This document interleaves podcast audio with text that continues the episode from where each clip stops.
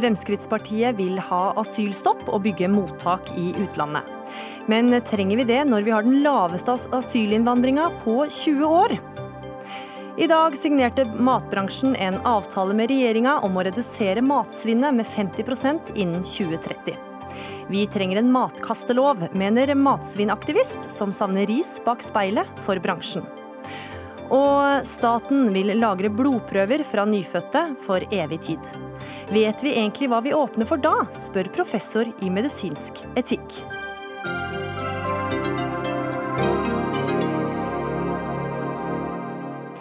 Du hører eller ser på Dagsnytt 18 i NRK P2 eller i NRK2. Jeg heter Gry Veiby. I løpet av den neste timen skal du også få høre at verden er for liten for oss mennesker. Vi må ut og underlegge oss verdensrommet, mener Stephen Hawking. Men eh, først. Frp vil stanse asylinnvandringa til Norge. Det kunne partileder Siv Jensen fortelle på partiets halvårige pressekonferanse i dag, der hun også lanserte tiltak for å få til nettopp det. Samtidig sier regjeringspartner Høyre at dagens virkemidler er gode nok. Christiane Tybring-Gjedde, du er en av arkitektene bak forslaget. Tall fra UDI viser at det bare kom 926 asylsøkere til Norge de første fem månedene i år, og det er det laveste tallet på 20 år. Asylinnvandringa til Norge er jo nesten allerede stoppa?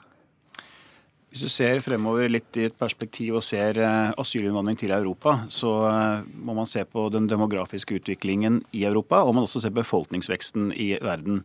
Det bor i dag syv milliarder mennesker på kloden, og det vil være ti milliarder i 2050. Eh, og vil, All vekst vil være de fattige, fattige landene, altså i Afrika, Asia og Midtøsten. Eh, og Det betyr at presset på eh, Europa kommer til å bli veldig mye større. Også deres tiltak som dere presenterte i dag, hvilke tiltak er det snakk om? Ja, Vi ønsker å opprette asylmottak i Afrika eller Asia, eller land som er i nærheten der hvor de som er på, ønsker å søke asyl, er ifra. Og Det vil gjøre at de slipper å reise på en farefull ferd til Europa, til ulike land i Europa. Og de som er flyktninger, altså de som trenger beskyttelse, vil få det. Eh, akkurat som i dag.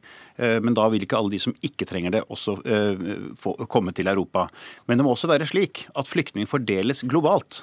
Det kan ikke være sånn at Europa som en, en, en verdensdel skal ta ansvaret for alle flyktninger, men de må fordeles over til Kina og India og alle land, Sør-Amerika. Alle land som betraktes som trygge land, må også flyktningene akseptere at de blir sendt til, og ikke kun Europa. Heidi Greni, du er innvandringspolitisk talskvinne i Senterpartiet. Hva syns dere om FrPs asylstopptiltak? De forslagene som blir presentert i dag, det er jo nærmest patetisk. Og i hvert fall timinga på dem. Nå har de sittet med ansvarlig statsråd i fire år, og så kommer de med de her forslagene da når Stortinget har gått fra hverandre. Eh, og hva hva syns du om forslaget, da, som du også har kalt valgflesk og patetisk, som du her sier? Sjøl har stemt ned i denne perioden. Senterpartiet har fremma forslag i Stortinget om grensekontroll. Fremskrittspartiet har stemt det ned i Stortinget, og så kommer ja, for, de nå for Greni, frem, Greni, som du sier, altså, Dere har jo selv fremmet forslag om stengte grenser og asylmottak i utlandet. Og Hva er forskjellen da på deres eh, forslag og det Frp kommer med i dag?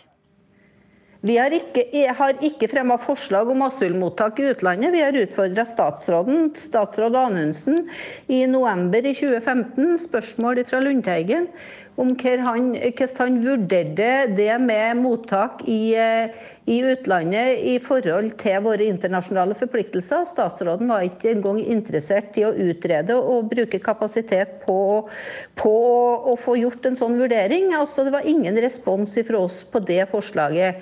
Men dere er enig i ganske mange av tiltakene som Frp kommer med?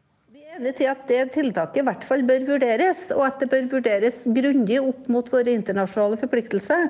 Når det gjelder en permanent grensekontroll, så har vi jo sjøl foreslått det i Stortinget og blitt nedstemt av Frp. Petter Eide, du er eh, fra SV, og kanskje ikke så veldig uventa, men dere er uenig i FrPs forslag. Hvorfor det? Jeg er uenig er jo forbokstaven. Jeg syns dette er en eh, dyster og svart dag. Her har eh, et av våre regjeringspartiene presentert et forslag til hvordan vi skal ta imot mennesker fra eh, andre deler av verden.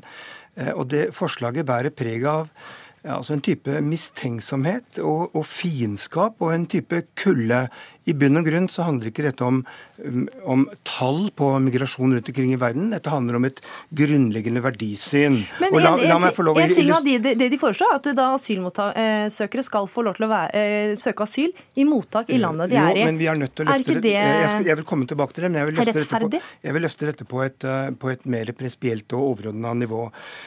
For et par uker siden så fremmet Christian Tybring-Eide her et forslag om at, eh, at båtflyktninger som kom over Middelhavet, ikke skulle tas opp. Altså, de Men nå som snakker vi sto om i disse fare, jo. Nei, de som sto Nei, i fare nei, for å nei, i Middelhavet, skulle skal- ikke hjelpes. si- Men nei, det er ikke nå snakker vi om dagens forslag. nei, du, nei, du skal sitere meg korrekt hvis du skal begynne å restere. Du Jeg- ville ikke ha båtflyktninger i Middelhavet. Nei, helt- Men det er en helt- annen debatt. I dag skal vi snakke om tiltakene som FrP, Kristian Tybring-Gjedde. Nå, prøver du å eh, stigmatisere meg, og jeg aksepterer det ikke, for jeg har blitt stigmatisert i årevis, og du skal sitere meg rett, OK? Jeg ønsker å stigmatisere deg fordi at jeg mener at du står for et verdisyn som Men Petter står Eide, la oss snakke om dagens forslag fra Frp. Dagens forslag handler om, mer eller mindre om å stenge norske grenser. Det handler om at Norge ikke skal ivareta sine internasjonale forpliktelser. Det er 65 millioner mennesker på flukt i verden. Det har aldri vært så mange. Denne regjeringen skryter av at de gjør veldig lite og skal gjøre minst mulig for den gruppa. Um, Vi er altså i en situasjon hvor, hvor antall flyktninger, asylsøkere som kommer til Norge, er på et minimum.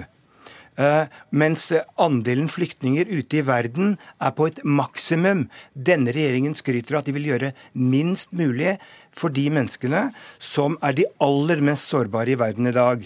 Det kaller jeg et kaldt samfunn, og slik vil jeg ha det. Jeg er helt enig. Hvis det var i nærheten av det som Petter Eide sier, så er jeg helt enig i et kaldt samfunn.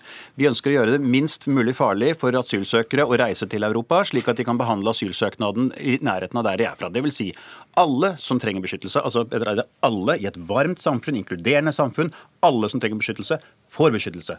I Europa og i resten av verden. De som ikke trenger beskyttelse, altså det samme som i dag, de får ikke adgang til Europa eller resten av verden. Et varmt samfunn, et åpent samfunn og et inkluderende samfunn, akkurat som Petter Eide ønsker. Og så sier du at du ønsker å stigmatisere meg fordi jeg har et galt verdisyn.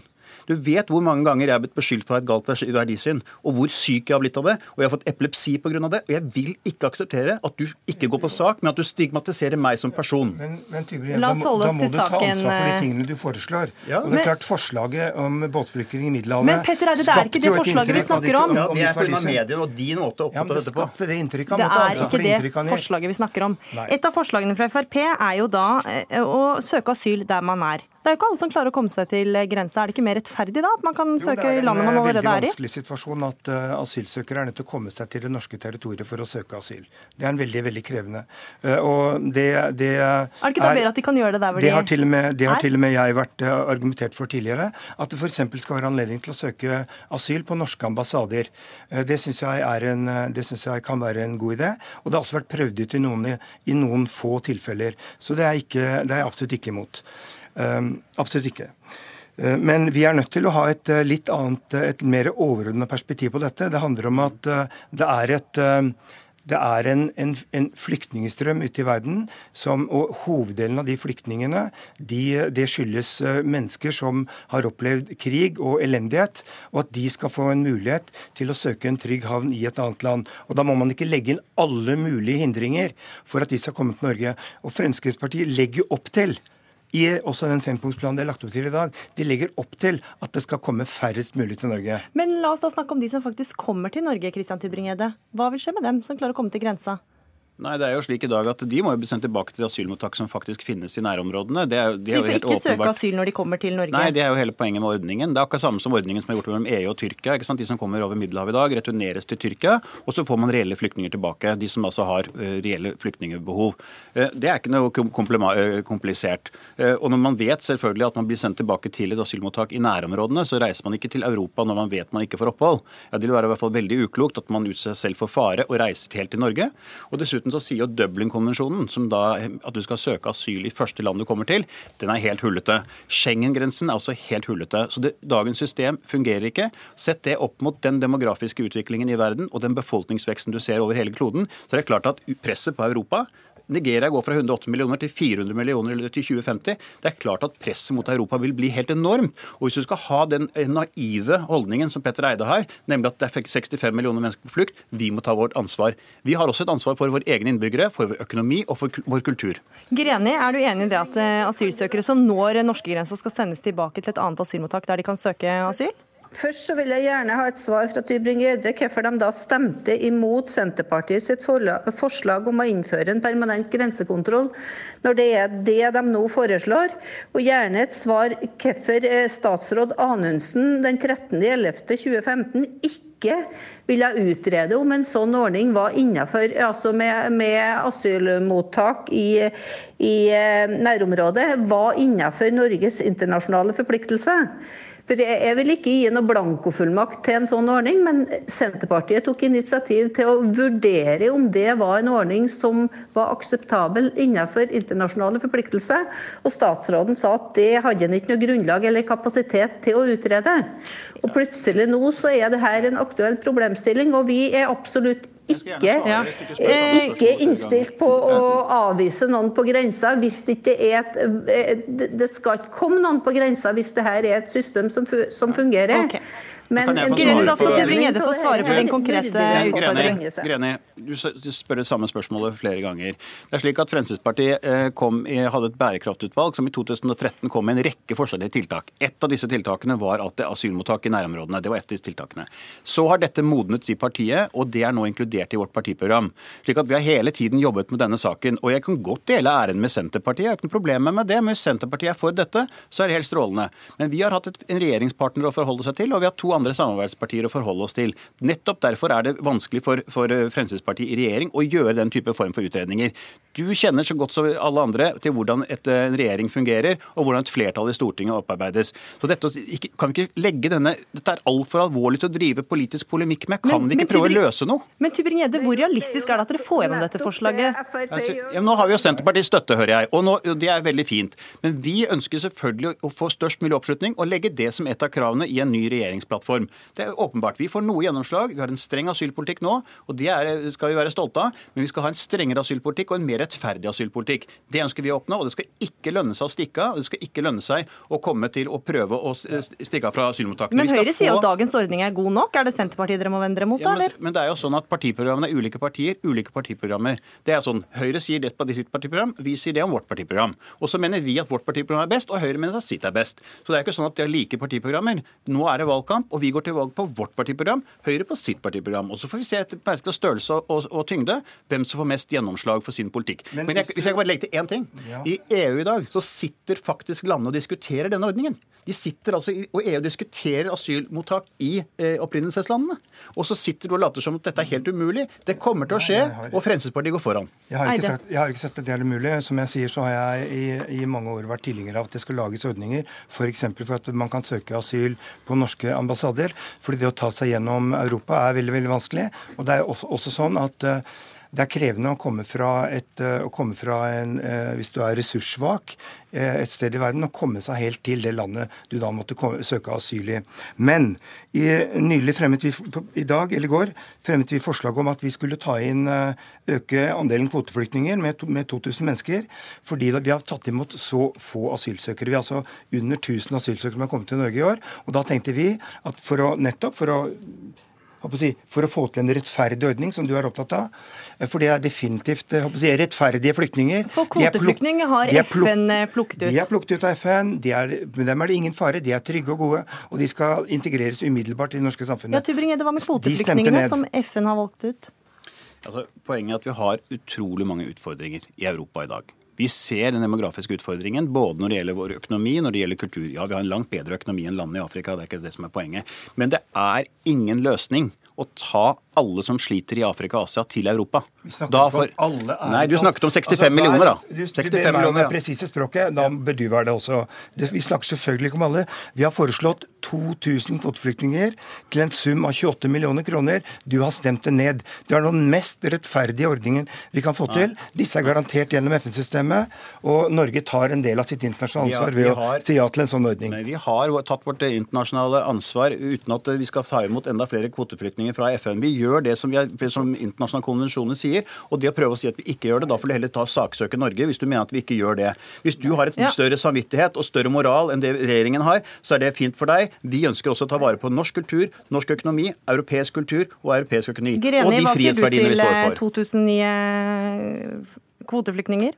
Først må jeg presisere, for Det hørtes ut som Tybring-Gjedde sa han har fått en blankofullmakt fra Senterpartiet til å stenge grensa. Det var ikke det jeg sa. Jeg har sagt at det er Du avviser et samarbeid mellom dere og Frp? Jeg er veldig forundra over at Frp eh, avviste et eh, forslag fra Senterpartiet om å vurdere det her opp mot menneskerettighetene, når de nå kjører det samme forslaget. Men når det gjelder å utvide antall kvoteflyktninger, så er ikke Senterpartiet innstilt på det på nåværende tidspunkt tidspunkt. Vi har vært med på det forliket der vi tar imot 8000 over tre år.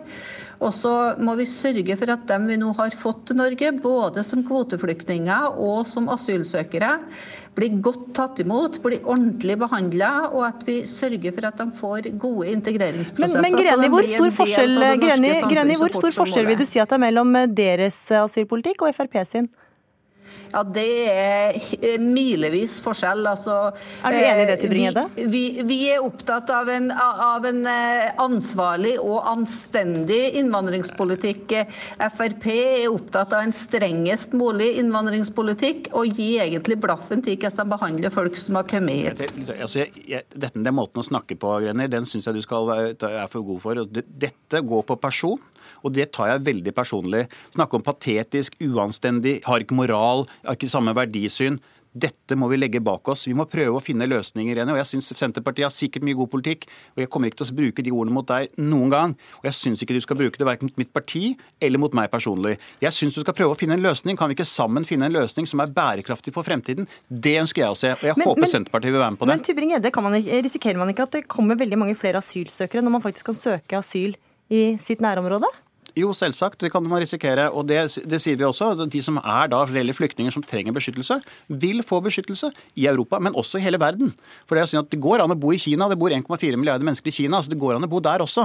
Det kan ikke være sånn Søker du beskyttelse, så må du ikke bo i et europeisk land. Du kan bo andre steder. og det må Verden må ta et ansvar. Et globalt ansvar, og ikke et europeisk ansvar, ikke et norsk ansvar. Det er et globalt ansvar for utviklingen i verden. Der fikk du siste ord, Christian Tybring-Gjedde fra Frp.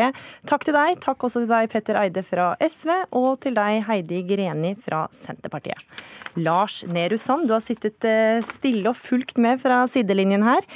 Eh, vi hører eh, at Senterpartiet og SV kaller FrPs utspill for valgflesk. Er du enig i det? Jeg tror alle partier i en valgkamp vil eh, snakke om ting de neppe får eh, flertall for, eh, så det deler de i så fall med flere. Men Frp har en høy troverdighet i innvandringssaken, og det er naturlig at i en stortingsperiode hvor da de fleste partiene har vært med på å stramme inn innvandringspolitikken, så vil Frp føle et behov for å fortelle sine velgere at de også i fortsettelsen vil være det partiet som går lengst i å ønske en strammest mulig innvandringspolitikk. Jeg tror ikke suksessen i å å foreslå ting som dette ligger i om det blir vedtatt eller ikke. Suksessen ligger i om kjernevelgerne får med seg at eh, partiet fortsatt vil gå lengst, selv om det har sittet i regjering i fire år, har nye, friske forslag. Og så er det klart at det, disse forslagene har mye ved seg som, ikke, eh, eller som gjør det litt sannsynlig at dette blir gjennomført de fire kommende årene. Det er store internasjonale prosesser som må i gang for å få til bl.a. det vi har hørt om retten til å søke om asyl når man ikke er i det landet man søker om eh, beskyttelse fra. Eh, det å opprette mottak i andre land vil jo være en eh, altså Det må noe til for at de landene man da vil opprette mottak i, skal kunne ønske å gå med på det, og, og sånn sett gjøre det på vegne av Norge. Eh, men det Tybring-Gjedde har rett i, er at det skjer mye debatter internasjonalt om denne byrdefordelingen mellom land, og at Frp da i den norske debatten vil på sin måte foreslå hva, hva de ønsker å gjøre i en sånn setting, er selvfølgelig interessant. Hvor stor betydning kommer eh, denne type spørsmål, innvandringsspørsmål, til å få i valgkampen? Ja, Det er jo eh, umulig å si nå, men det vi skal legge merke til er at årets valgkamp ser ut til å bli veldig fragmentert. Eh, og for Frp så er det å få denne saken høyt på dagsorden viktig eh, med tanke på FrPs oppslutning, fordi det er et saksområde de har høy troverdighet i, og som velgerne deres er opptatt av. Så det er i all interesse for Frp at dette blir en, en av flere saker i valgkampen. Og så tror jeg nok det er at tilsvarende liten interesse for kanskje alle de andre partiene eh, at dette skal bli interessant i valgkampen, fordi de ser at det bare er Frp stort sett som pleier å tjene på at eh, dette blir en sak. Og Det er også derfor Frp må eh, rope høyt, nær sagt, for å komme gjennom lydmuren med innvandringspolitikk, fordi veldig mange andre partier vil ikke være interessert i at dette får leve lenge, mens Frp har en interesse av å få det på dagsordenen. Hva kan du si om valgkampen så langt? Jeg tror Det vi ser er jo at alle partier vil snakke til sine kjernevelgere om sin eh, primærpolitikk, det de er mest tjent med. Derfor vil Arbeiderpartiet snakke om eh, arbeidslivspolitikk. Eh, Høyre vil snakke om forsvar og beredskap. Miljøpartiet vil snakke om miljøpolitikk. Frp vil snakke om innvandringspolitikk. Og Det er det som egentlig underbygger det jeg sier med at dette kan bli en svært fragmentert valgkamp. Og Det er også mye lettere nå for alle partiene enn det var for bare fire eller åtte eller tolv år siden å snakke om egen politikk, fordi de har eh, større gjennomslag i egne kanaler, altså utenfor eh, NRK og andre tradisjonelle medier, til å drive valgkamp med å eh, målrette sine budskap på sosiale, sosiale, medier. Mm. Eh, og Derfor så fungerer det nok også å, å legge opp til, til, en valgkamp som ikke blir så samlende, kanskje, som, som vi har vært vant til. Det skal også sies at Arbeiderpartiet ble invitert i denne runden her, men takket nei. Takk for at du var med, Lars Nehru Sand, politisk kommentator i NRK.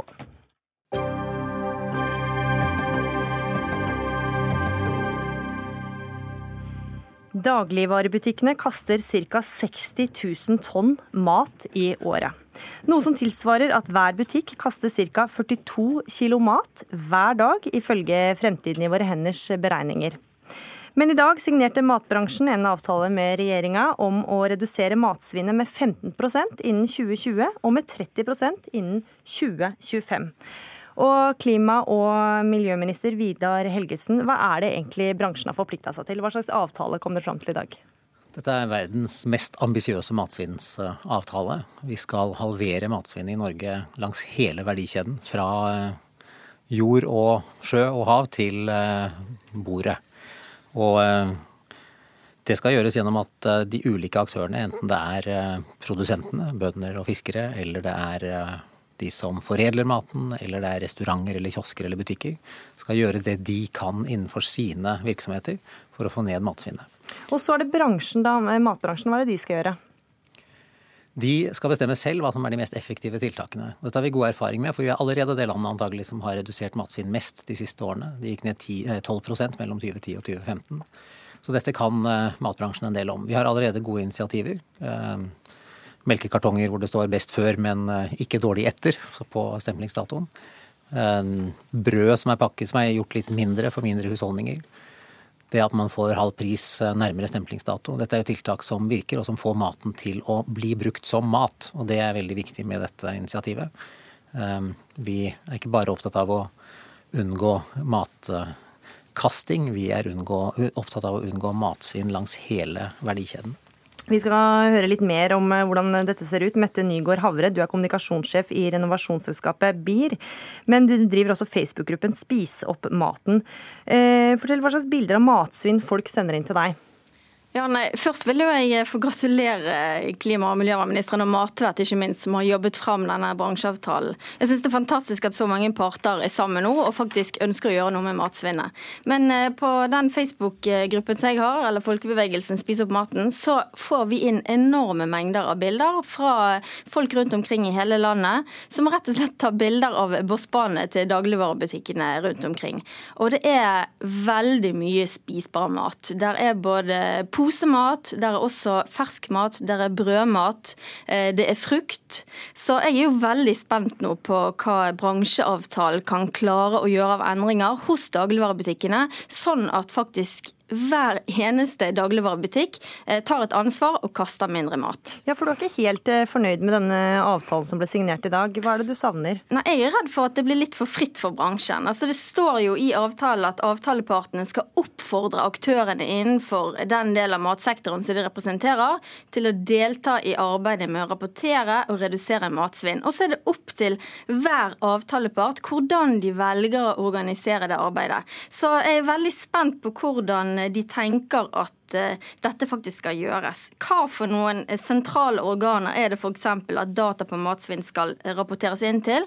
Og hvis disse rapportene er for dårlige, hva for noen sanksjoner har vi da til å kunne gå på den enkelte f.eks. dagligvarebutikk og si at de ikke gjør en god nok jobb for å redusere sitt matsvinn? Ja, Helgesen, Helgesen hvilke, hvilke sanksjoner har dere?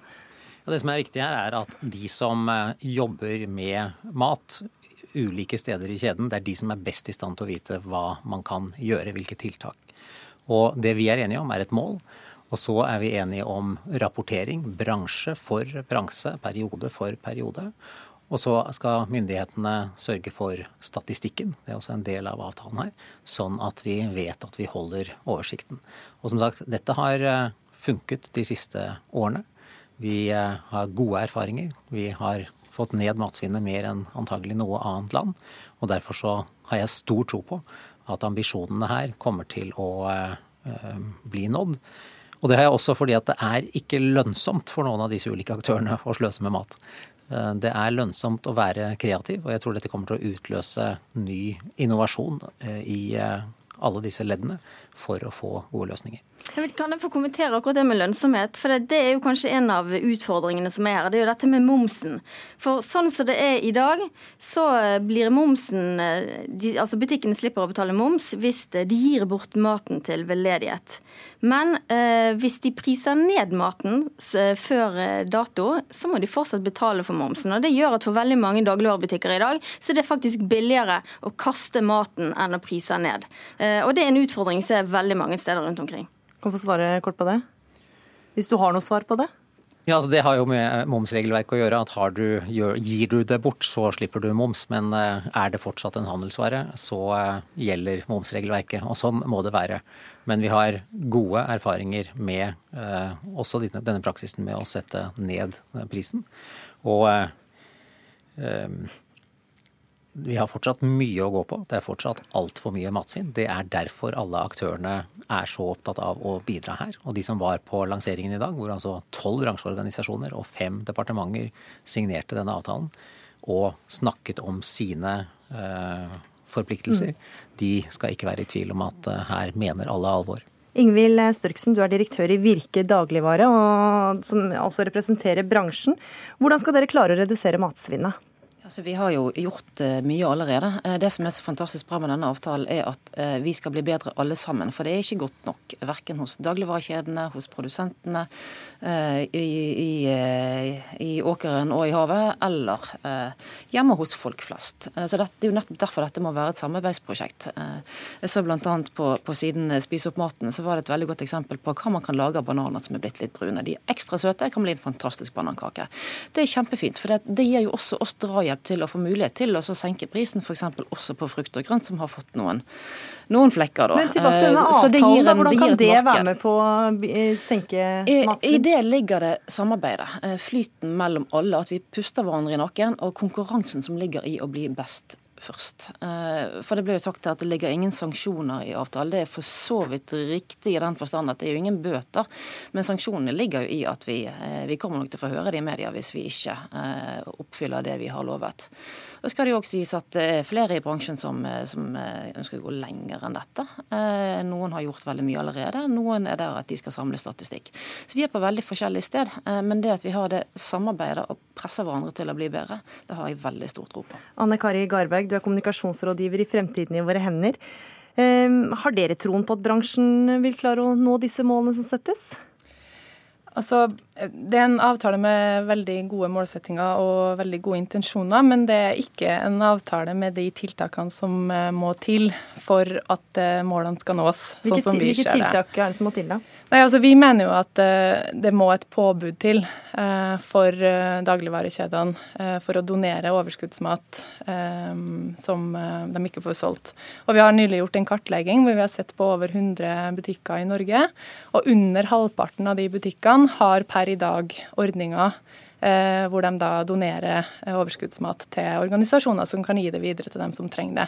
Og det er vel å merke etter man har jobba bevisst for å redusere matsvinnet nå i godt over fem år, om ikke oppimot sju år.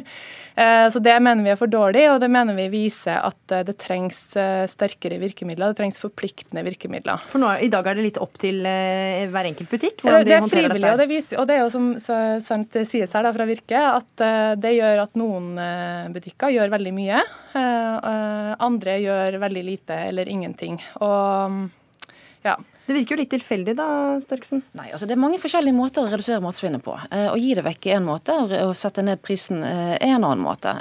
Man har valgt litt forskjellige strategier, og noen gjør begge deler. Så skal det òg sies at det er vanskelig å gi vekk maten hvis man ikke har noen å gi den til. Eh, jeg har snakket med butikksjefer som, som har brent inne med, med, med, større kvanta med forskjellige varer som, som, de ikke har fått et mottaksapparat for. Dels fordi det ikke finnes matsentraler der de holder til, dels fordi at eh, de faktisk har fått nei, dette har vi ikke bruk for. Garberg, dere, dere, dere foreslår en matkastelov, hva er det for noe? Jeg bare sier at det, stemmer ikke overens med det inntrykket vi har. for Vi har også vært i kontakt med veldig mange veldedige aktører som i dag har ordninger på plass for å donere overskuddsmat, og samtlige sier at de gjerne skulle ha donert mer og oftere hvis de hadde fått tilgang på mer mat. Og Blå Kors måtte jo for ikke så lenge siden kutte en del av den utleveringa av mat som de driver med, fordi de rett og slett ikke hadde tilgang på på overskuddsmat. Men Er dette et byfenomen? At det er lettere å Det gjelder over hele landet. Altså, vi, har snakket, vi har jo sett uh, fra ja, nord til sør. Men dette handler jo dels om at de systemene altså for å få logistikken til å flyte enkelt nok. Eh, det er en av de tingene vi må jobbe med for å få dette her til å bli enda bedre. For viljen til å gi det vekk framfor å kaste det er jo selvfølgelig, selvfølgelig stor. Eh, så det er klart at, eh, at for noen så er det, er det, en mulighet til å gjøre det for at man har tilgang til logistikken. For andre så er det enten finnes det ikke, eller er det så komplisert at man ikke gjør det. Så skal det òg sies at nettopp fordi at det er blitt såpass stort marked for å senke prisen på varer som nærmer seg dato, så blir det jo da også kanskje mindre å gi vekk for noen. Så det er det, det bildet tror jeg ja. Men, um, men Garberg, du har ikke mat, uh, matkasteloven. Hva, det, hva, går den ut på? Vi ønsker oss et uh, donasjonspåbud. Um, det vil si en mekanisme som, gjør det, som sørger for at butikker må donere overskuddsmat. Uh, til veldedige organisasjoner eller aktører som driver redistribusjon. Og Det som også er viktig å si her, er at matsentralene gjør en kjempeviktig jobb ja. med å redistribuere mat fra men, næringsmiddelindustrien. Men matkastelov, Helgesen, er det en idé? Eh, I lovgivning er alltid et redskap som man har til eh, disposisjon, men det vi gjør her er mye bredere enn å gå på butikkene alene. Ehm, matkasteloven i Frankrike f.eks. Uh, dreier seg ikke bare om å gi bort mat til veldedige formål, den dreier seg også om mat til biogass og kompost og uh, dyrefôr og sånn. Vårt utgangspunkt er at all mat skal brukes høyest mulig i næringspyramiden til menneskemat. Uh, og vi mener derfor at det er viktig at hele kjeden fra jorda til bordet er med. Men på frivillig basis, er det ikke bedre å få en lov Nei, men Det er forplikt, en forpliktende avtale. forpliktende avtale. En avtale som binder partene. Og vi, eh, det vi, som er tilfellet når du drar inn hele kjeden, det er at ikke noe ledd i kjeden er tjent med å prøve å skyve problemet over på neste ledd i kjeden eller forutgående ledd i kjeden. Alle må ta sin del av ansvaret. Havre, og Derfor så tror jeg at denne avtalen avtale. er bedre enn en eh, lov Havre? Ja. ja. jeg tenker at Det viktigste her det er jo at det er noen økonomiske insentiver. Altså Nå kommer jeg fra renovasjonsselskapet BIR i Bergen. og eh, Vi innførte fleksibel gebyrmodell på renovasjonsgebyret i fjor. Eh, Hva betyr det?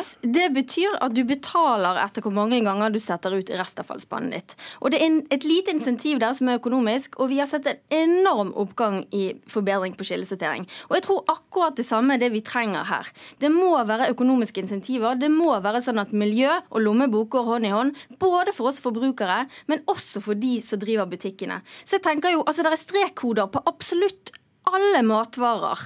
Eh, hvorfor i alle dager er det ikke sånn at eh, den strekkoden kan endres, sånn at maten automatisk blir billigere når den nærmer seg dato? Da vil jo jeg som forbruker velge den melken med kortest tid, istedenfor å strekke hånden langt inn i kjøleskapet og tenne den som står bakerst eh, med lengst holdbarhet. Det betyr også at man får solgt unna mye mer av den maten som man faktisk i dag kaster. Så her er mange ting som man kan gjøre for å, å få til endring, men økonomi og miljø hånd i hånd, det er det viktigste. Og denne avtalen legger jo akkurat til rette for at eh, det skal bli flere ideer og flere tiltak som kan gjennomføres på alle nivåene her. Men Størksen, disse konkrete tiltakene er da? Nei, for det, det, er jo sånn at det å kaste mat fra butikk, det er jo å kaste penger. Eh, så å finne gode løsninger for å unngå det, er det jo alle tjent med. Eh, og så er det sånn for vårt vedkommende òg at, at vi har valgt å gå for den måten å jobbe på som vi mener virker best. Vi er ikke fremmed for å diskutere en lov hvis det viser seg at denne avtalen ikke fungerer der den skal, men det tror vi bestemt den gjør. Eh, så Grunnen til at vi valgte avtale, er jo nettopp fordi vi tror vi oppnår klart mest med det. Da får vi opp veldig mange gode ideer, som f.eks. denne. For vi har jo et felles mål. Det vi må passe på, er selvfølgelig at ikke det blir sånn bukken til havresekken. Sant? At det er dagligvarebutikkene som skal passe på seg sjøl, og, dermed så skjer det ingenting. Så det er helt klart at det, det kan ikke bli en avtale som er altfor fri. De må melde inn på et eller annet vis. Men det, det står det jo også at det skal de gjøre, så jeg er veldig spent på hvordan det blir. Vi kommer til å følge med. Takk for at du var med, Mette Nygaard Havre, kommunikasjonssjef i BIR. Anne Kari Garberg, kommunikasjonsrådgiver i Fremtiden i våre hender. Ingvild Størksen, direktør i Virke dagligvare. Og Vidar Helgesen, klima- og miljøminister.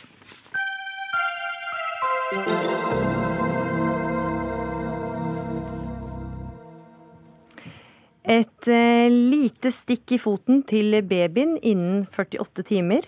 Det er noe de fleste nybakte foreldre sier ja til på sykehuset. For blodprøven kan fortelle om barnet har eventuelle avvik eller medfødte sykdommer.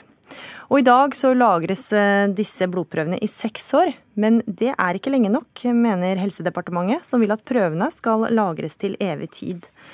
Camilla Stoltenberg, du er direktør i Folkehelseinstituttet, og du mener dette forslaget er en god idé. Hvorfor det? Nei, Jeg syns forslaget er en god idé både fordi at vi kan få bedre kvalitetssikring og metodeutvikling knyttet til helsehjelpen til de barna som dette dreier seg om i selve screeningen. Eh, fordi men det gjør man jo allerede i dag, bare at det lagres i ja, seks år? Ja, men det lagres bare i seks år. Mm. Og for mange av disse sykdommene er veldig sjeldne. Og det betyr at hvis man skal få vite mer om hvordan sykdommene utvikler seg, og i hvilken grad screeningen i seg selv gjør det bedre for barna, så trenger vi å lagre prøvene over mye lengre tid. Vi trenger også internasjonalt samarbeid, og det er det veldig stort behov for her. For dette er sykdommer som vi har vanskeligheter med å få den type kunnskap om. Ja, Hva er det man kan finne ut av av en sånn blodprøve? Man kan finne ut, eh, først, først og fremst brukes den jo til å finne ut om de har en av de 23 sykdommene som man nå undersøker for. Som man da har tilbud om å få undersøkt alle barn for. Mm. Og så kan man finne ut videre hvordan det går med barna. Og knytte det til de ulike variantene av de genene det her dreier seg om. For det er stort sett eh, genetiske undersøkelser man foretar. Og Derfor er det viktig å lagre det lengre? Det er en dag. veldig viktig begrunnelse. Men det er også andre begrunnelser. Og det er at man kan undersøke for nye sykdommer. Både sykdommer som vi ikke kjenner til i dag, og andre sykdommer som man utvikler senere i livet. Eh, og slik brukes disse prøvene i Danmark f.eks. Bjørn Hoffmann, du er forsker i medisinsk etikk og professor ved Institutt for helsevitenskap ved NTNU. Og du har kalt deg selv en profesjonell festbrems i denne sammenhengen. Hva er det du eh, ikke liker med å, forslag om å lagre det til evig tid? Nei, jeg tenker at Man må være like spenstig og forestille seg risikoene knyttet til lagring som man er til å forskuttere nytten. Ehm, det er ingen tvil om at lagring og fremtidig eh, forskning kan resultere i bedre diagnostikk og behandling enn det vi har i dag.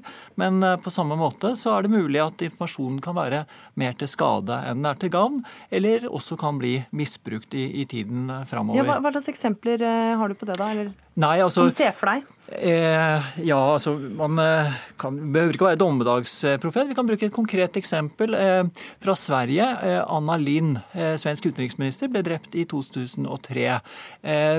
da gikk man nettopp til dette registeret og fant blodprøver og testet blodprøver for å finne ut av om en mistenkt var, var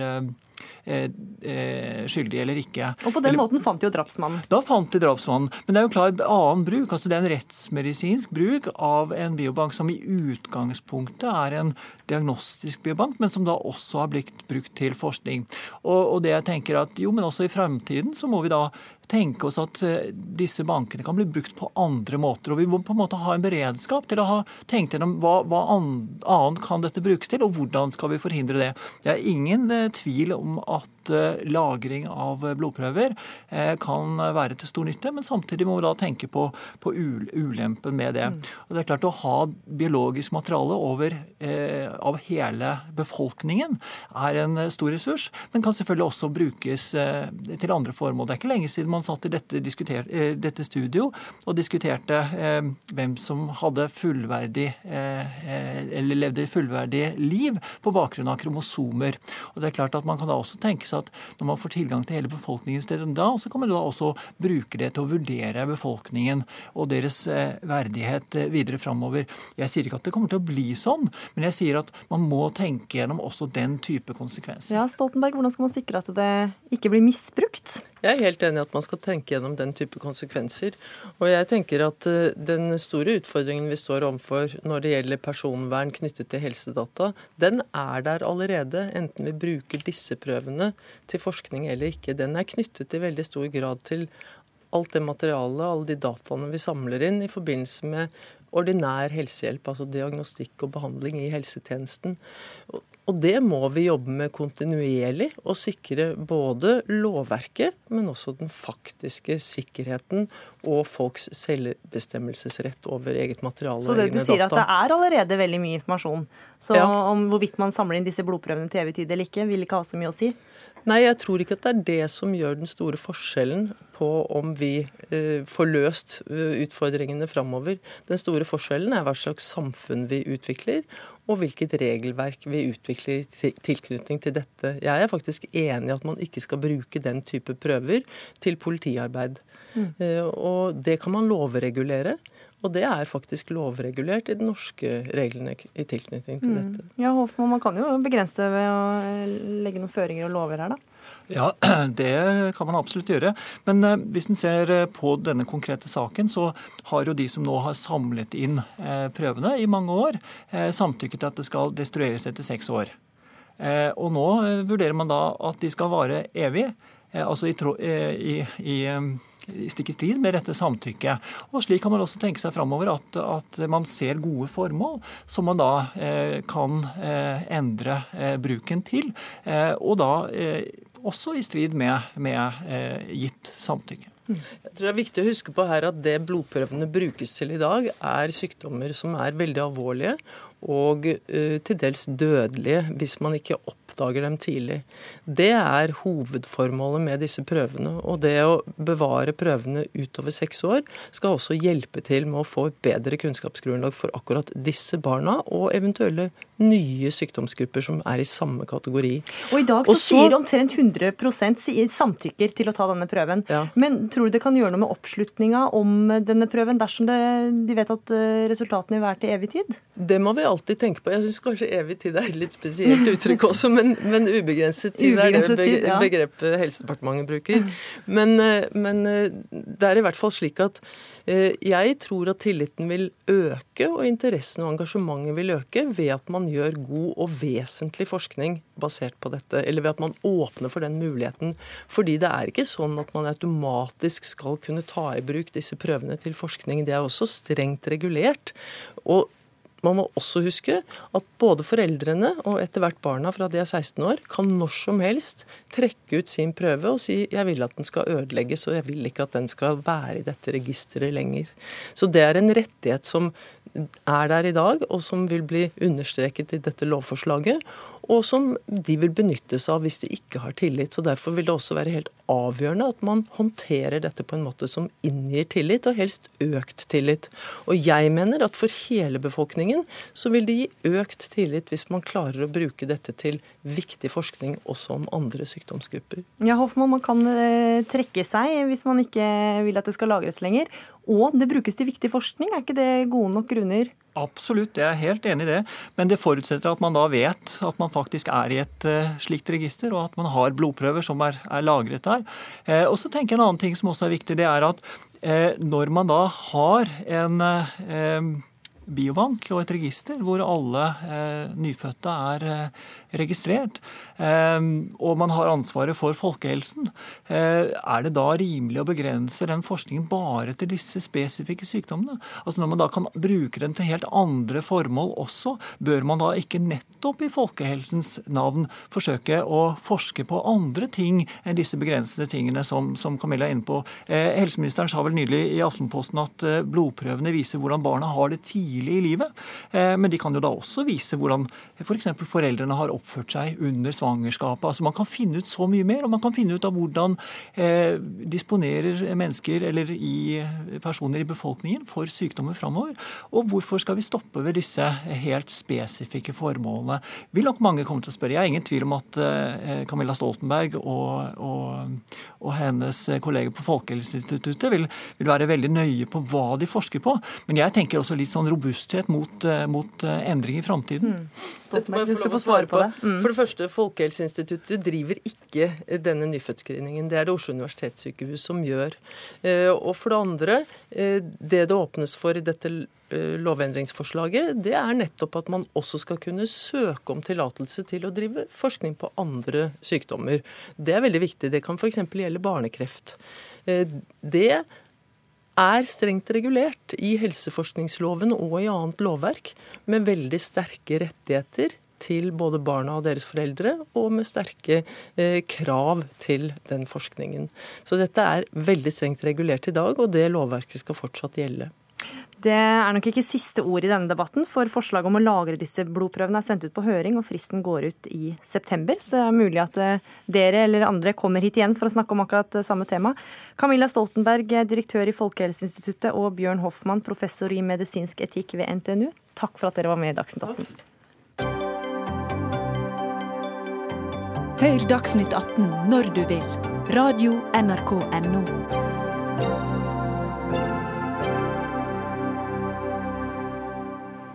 USAs eh, tidligere president Barack Obama hadde planer om å ta igjen på Russland og Vladimir Putin etter at de blanda seg inn i det amerikanske valget før nyttår, skriver avisen The Washington Post i en nettartikkel i dag. Før han gikk av, skal Obama satt i gang arbeidet med et hemmelig prosjekt der målet var å ramme Russland og russiske samfunnsinstitusjoner gjennom bruk av fjernstyrte digitale bomber som eh, skal utplasseres i russiske datanettverk. Og Gro Holm, du er NRKs USA-korrespondent, eh, og ifølge The Washington, Post var Obama og administrasjonen hans tidlig sikre på at Russland etter direkte ordre fra Putin drev med hackerangrep mot USA for å påvirke valget. Hvordan kunne de være så sikre på det? Ja, eh, Det som står i denne artikkelen i The Washington Post, er at Obama fikk en pakke fra CIA på døra i begynnelsen av august i fjor, som inneholdt dokumenter fra CIA, og som eh, viste at de har fanget opp direkte ordre fra Putin når det gjelder målsettingen med denne hackingen, som da ifølge disse etterretningsopplysningene skal ha vært å eh, sørge for å slå at Hillary Clinton ble slått i valget, i, i hvert fall ødelegge hennes muligheter for å kunne vinne, og styrke Trumps sjanse for å vinne.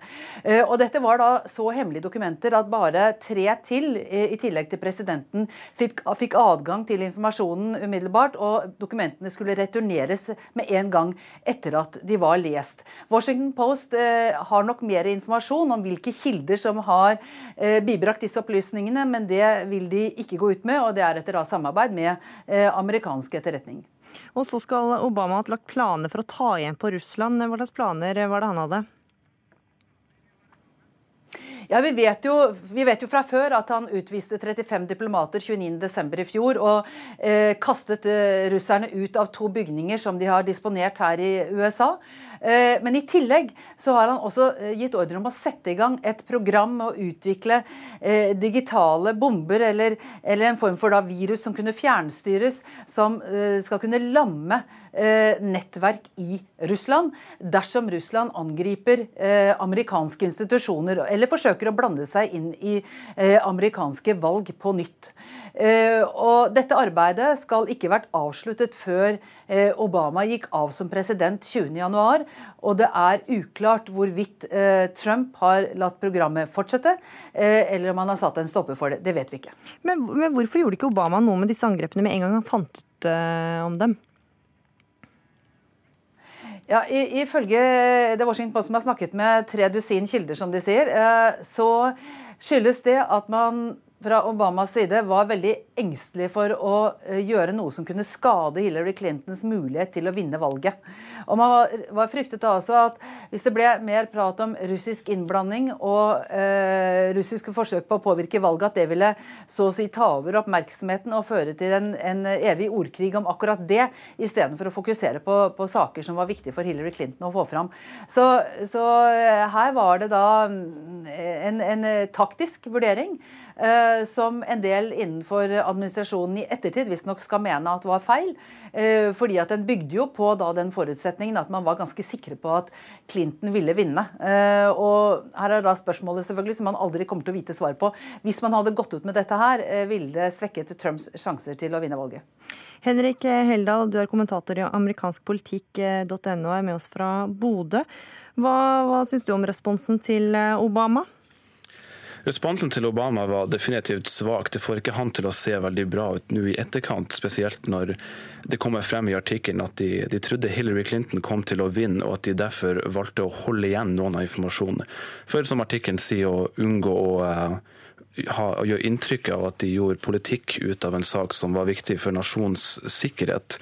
Og så endte det opp med at Hillary Clinton ikke vant valget, og da ble det ikke så lett å ordne opp i det i etterkant allikevel. Det ble lagt frem en del planer for mulige sanksjoner mot russerne, som bl.a. John Kerry skal ha støtta, som Obama skal ha sagt nei til å, til å, stå fremme. Og Så kom de da med et svar i etterkant, som var bl.a. å kaste ut de her diplomatene fra, fra USA og sende de tilbake til Russland, som var sett på før valget som kanskje det svakeste muligheten de hadde for å svare russerne. Så Sånn sett så får det ikke Obama til å se bra ut i det hele tatt. Men hvordan får det Trump til å se ut? da? Er denne nyheten bra eller dårlig for eh, Trump? Akkurat nå på det tidspunktet det kommer ut på, så er det ikke så verst for Trump. Han er i en situasjon nå hvor han har eh, i går innrømt at han bare fant opp han, eh, den påstanden om at han kanskje skal ha tatt opp samtaler med Comey. Republikanerne kom ut med senatets versjon av det nye helseforslaget i går. Begge de to har de fått masse kritikk for, at Trump kanskje skal ha brukt det her Eh, saken med Comey for å uh, true han til å ikke si hele sannheten, da, med å true han om at det kanskje var opptak i bakhånd, som han har fått veldig mye kritikk for. Så det her er kanskje et fokus på at Obama har vært svakere, og at um, Trump arva en situasjon som ikke så så bra ut. Vi må huske at det store spørsmålet er fortsatt om noen i Trump-kampanjen hadde samtaler med russere om noe de ikke burde ha hatt. Men det er fortsatt ikke funnet bevis om det. Så, sånn sett så Eh, enn så lenge er ikke denne saken kjempeille for Trump. Gro Holm, er det noen spekulasjoner eh, på hva Trump kommer til å gjøre med denne saken, da? Eh, ja, det er jo litt snakk om det, og man kommer til å måtte si noe om det i det hele tatt. Dette er jo eh, informasjon som egentlig skulle være topp hemmelig, og som nå er blitt kjent. Eh, men eh, foreløpig så har han ikke brukt de mulighetene til å si noe som han har hatt i dag. Han har jo blitt intervjuet bl.a. på Fox News i dag tidlig, og han har eh, han har vært ute også og snakket nå i formiddag, eh, lokaltid. Han har ikke brukt de mulighetene til å, å, uttale seg om denne saken. Hvordan vurderer du denne saken for ettermælet til Barack Obama? Jeg er helt enig eh, i det som ble sagt her, at det er ikke bra for ettermælet til Barack Obama. Det viser igjen at det er en, han har nølt med hvordan han skulle reagere. Han eh, vurderte kanskje situasjonen feil når det gjaldt eh, Hillary Clintons mulighet til å vinne. Det gjorde jo også de fleste andre meningsmålere f.eks., og, og journalister for den saks skyld. Eh, så, så, han står seg ikke godt på det her. Han ønsket kanskje å, å, være forsiktig og gjøre det som var riktig, men så endte det altså ikke så bra. Heldal, hvordan er forholdet mellom Trump og Putin nå? Det er et bedre forhold der enn det Putin det Trump har, har, skapt med andre land. Han har jo egentlig kritisert alle USA sine allierte, om det er Storbritannia, Tyskland eller Frankrike eller andre. og Han har også kritisert land som Kina, men uh, Russland og Putin har han på en måte holdt seg unna å kritisere. Så nå har jo Obama på en måte latt Putin gjøre det her som den saken her innebærer. Trump kommer til å fortsette med å tillate det fra, fra russerne.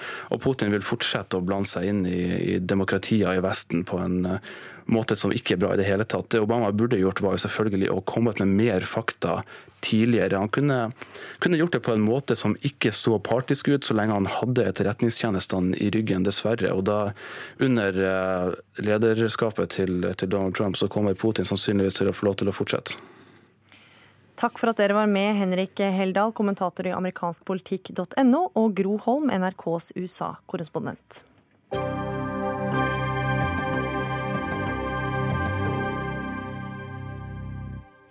Menneskeheten bør ut og kolonisere verdensrommet. Det mener den verdenskjente fysikeren og matematikeren Stephen Hawking.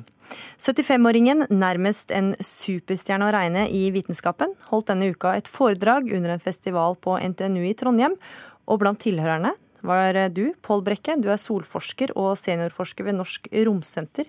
Hvorfor mener Hawking at vi bør kolonisere verdensrommet? Han hadde jo egentlig tre punkter da, som han tok opp for å si at vi må flytte vekk herfra. Det første var eh, at vi kommer til å bli overbefolket. Vi kommer til å bli tom for ressurser og mat.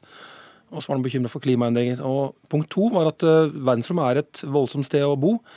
Og at før eller siden så vil mest sannsynlig en asteroide treffe jorden og kanskje ødelegge livet sånn som vi kjenner i dag. Og det tredje var, punktet var at han mener at menneskene har en indre drivkraft som alltid har prøvd å utforske det ukjente, og vil derfor også ikke bare utforske månen som vi har gjort nå, vi skal til Mars, men også utforske resten av verdensrommet. Så han mente at vi burde prøve å komme oss ut på et visst tidspunkt. Og eh, hvor, hvor lang tid fram i tid kan dette være snakk om? Han snakket om de neste 200-300 årene eh, i utgangspunktet. Eh, teknologien er jo ikke der ennå. Han har ikke noen løsning på hvordan vi skal få til dette her.